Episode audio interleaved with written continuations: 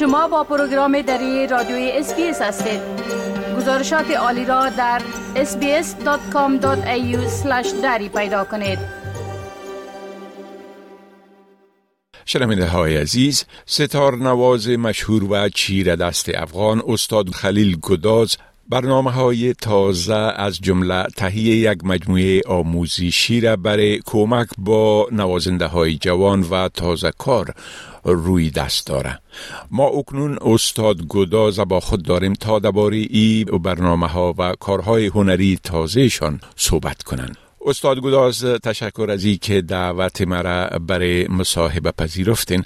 اولتر از همه اگر درباره سفر هنری تان به شمول چگونگی تان به ستار و موسیقی کلاسیک تا رسیدن به مقام استادی صحبت بکنین. که محترم. گرفترین سلام های خدا خدمت شما همکارانتان و از طریق شما و همه شنمانده هایی که آواز ما شما را میشنوند سلام های گرم نثارشان باد. شالا که اوقات خوش را در پیش داشتن باشند. و عرض بکنم که زمانی که من علاقمند موسیقی شدم دار از طریق نواهای بلنگیز ستار از طریق اما رادیو افغانستان شنیدم.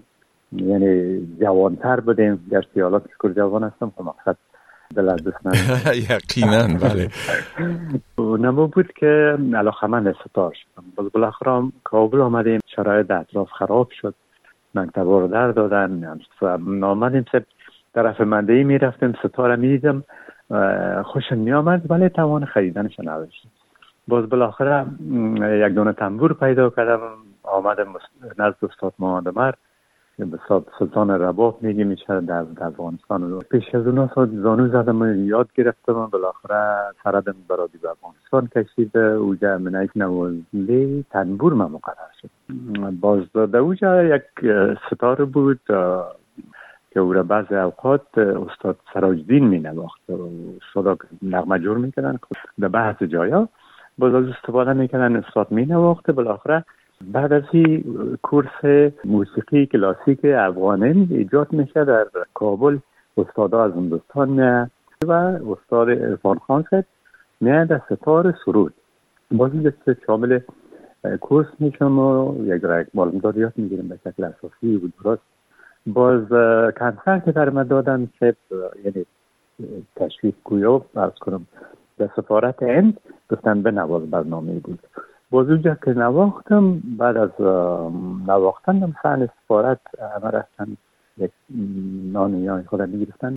باز بعد از این صرف غذا یا در جریانش که بودیم استاد طرف ما شرکت رفقای می‌گفت که خود میگه برم سعی کردم باز شرکت بوده. رفته پیش امرای نایب سفیر بود. بعد از اطراف که برشان کردم گفتن که خلیل هندوستان میری. من گفتم صاحب نه بله میرم دیگه یه مالدار از یکی از های در در این بود.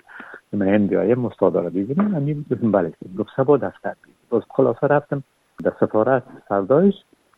همون تمام کاغذات داد. خلاصه که آمدیم به هندوستان در مکتب به نام شیران به حرتی کلاسیک مکتب توکلان بالاخره پیش یکی استادانه که به نام سینیامیر گران است در او شاگرد شدم بعد از او پیش استاد عبدالعلی خان صاحب شاگرد شدم بالاخره 6 سال من مکتب ختم نمی‌تونیم اونها رو بگوییم. یعنی خلاص شدم جریان کورس بعد از او برای من آفر دادن. خودشان من استاد در دو مکتب دیگه من خودم درس می‌دادم.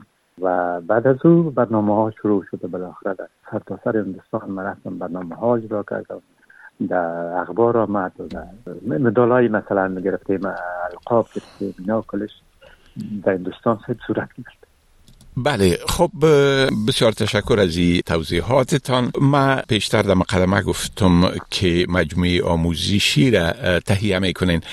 کار این مجموعه آموزشی به کجا رسیده؟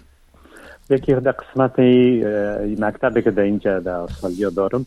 به نام خلیل استاد موزیک سکول. ای را اپدیت کردن سرش کار کردیم و در پولیش دو پروژکت است. یک پروژکت ای است که ما آنگاه حضرت امیر خسرو و دیلوی را به بخش نشار شده کامپوز کردیم در راگ ها یعنی در یک مقام که برای کسایی که موسیقی خوش دارن و مخصوصا کسایی که موسیقی می نوازن و می خوانن بله.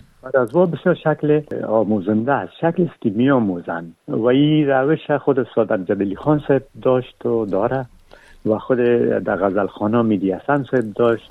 فینال ما سر از یا کار کردیم یا فعلا در استدیو هست و معلوم دار تکمیل نشده خیلی بله. جیران داره. بله.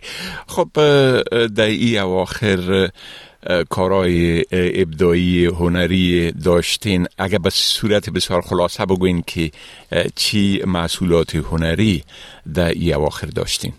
خب از قبلی که در میدیا ظاهر شدم در بعض تلویزیون ها اینا در اروپا امریکا کانادا اینا و مخصوصا بعض یک تلویزیون دیگه از اینجا به نام ما که اونجا چند پارچه اجرا کردم. و بعد از اون سر چیز کار می‌کنم همراه سفر خود. بله. خب سفرهای به کدام کشورها دارین؟ و در استرالیا به چی جای سفر هنری می‌کنین و کنسرت های اجرا می‌کنین؟ برنامه است در پرت یکی دو برنامه است و در خود سیدنی است در برزبن است در دلایت است. باز ممکن یک ماهی مرا بگیره. باز بعد از اون بخیر به طرف اروپا میرم. لندن فرانسه یک برنامه است و جرمنی ویچه یک برنامه است. آلند و باز بعد از باز بیرم طرف تورنتو بخیر کانادا. ویچه است و طرف امریکا. باز طرف هندوستان. دیگه تقریبا یک شش ماهی من شاید بگیرد. خب یک سفر هنری طولانی در پیش دارید مردم چطور می‌تونن استاد گداز به آهنگ ها و سروده های ستارتان دسترسی پیدا کنن؟ در خدمت شما هستم. و از طریق وبسایت مست به نام خلیل ستار میوزیک.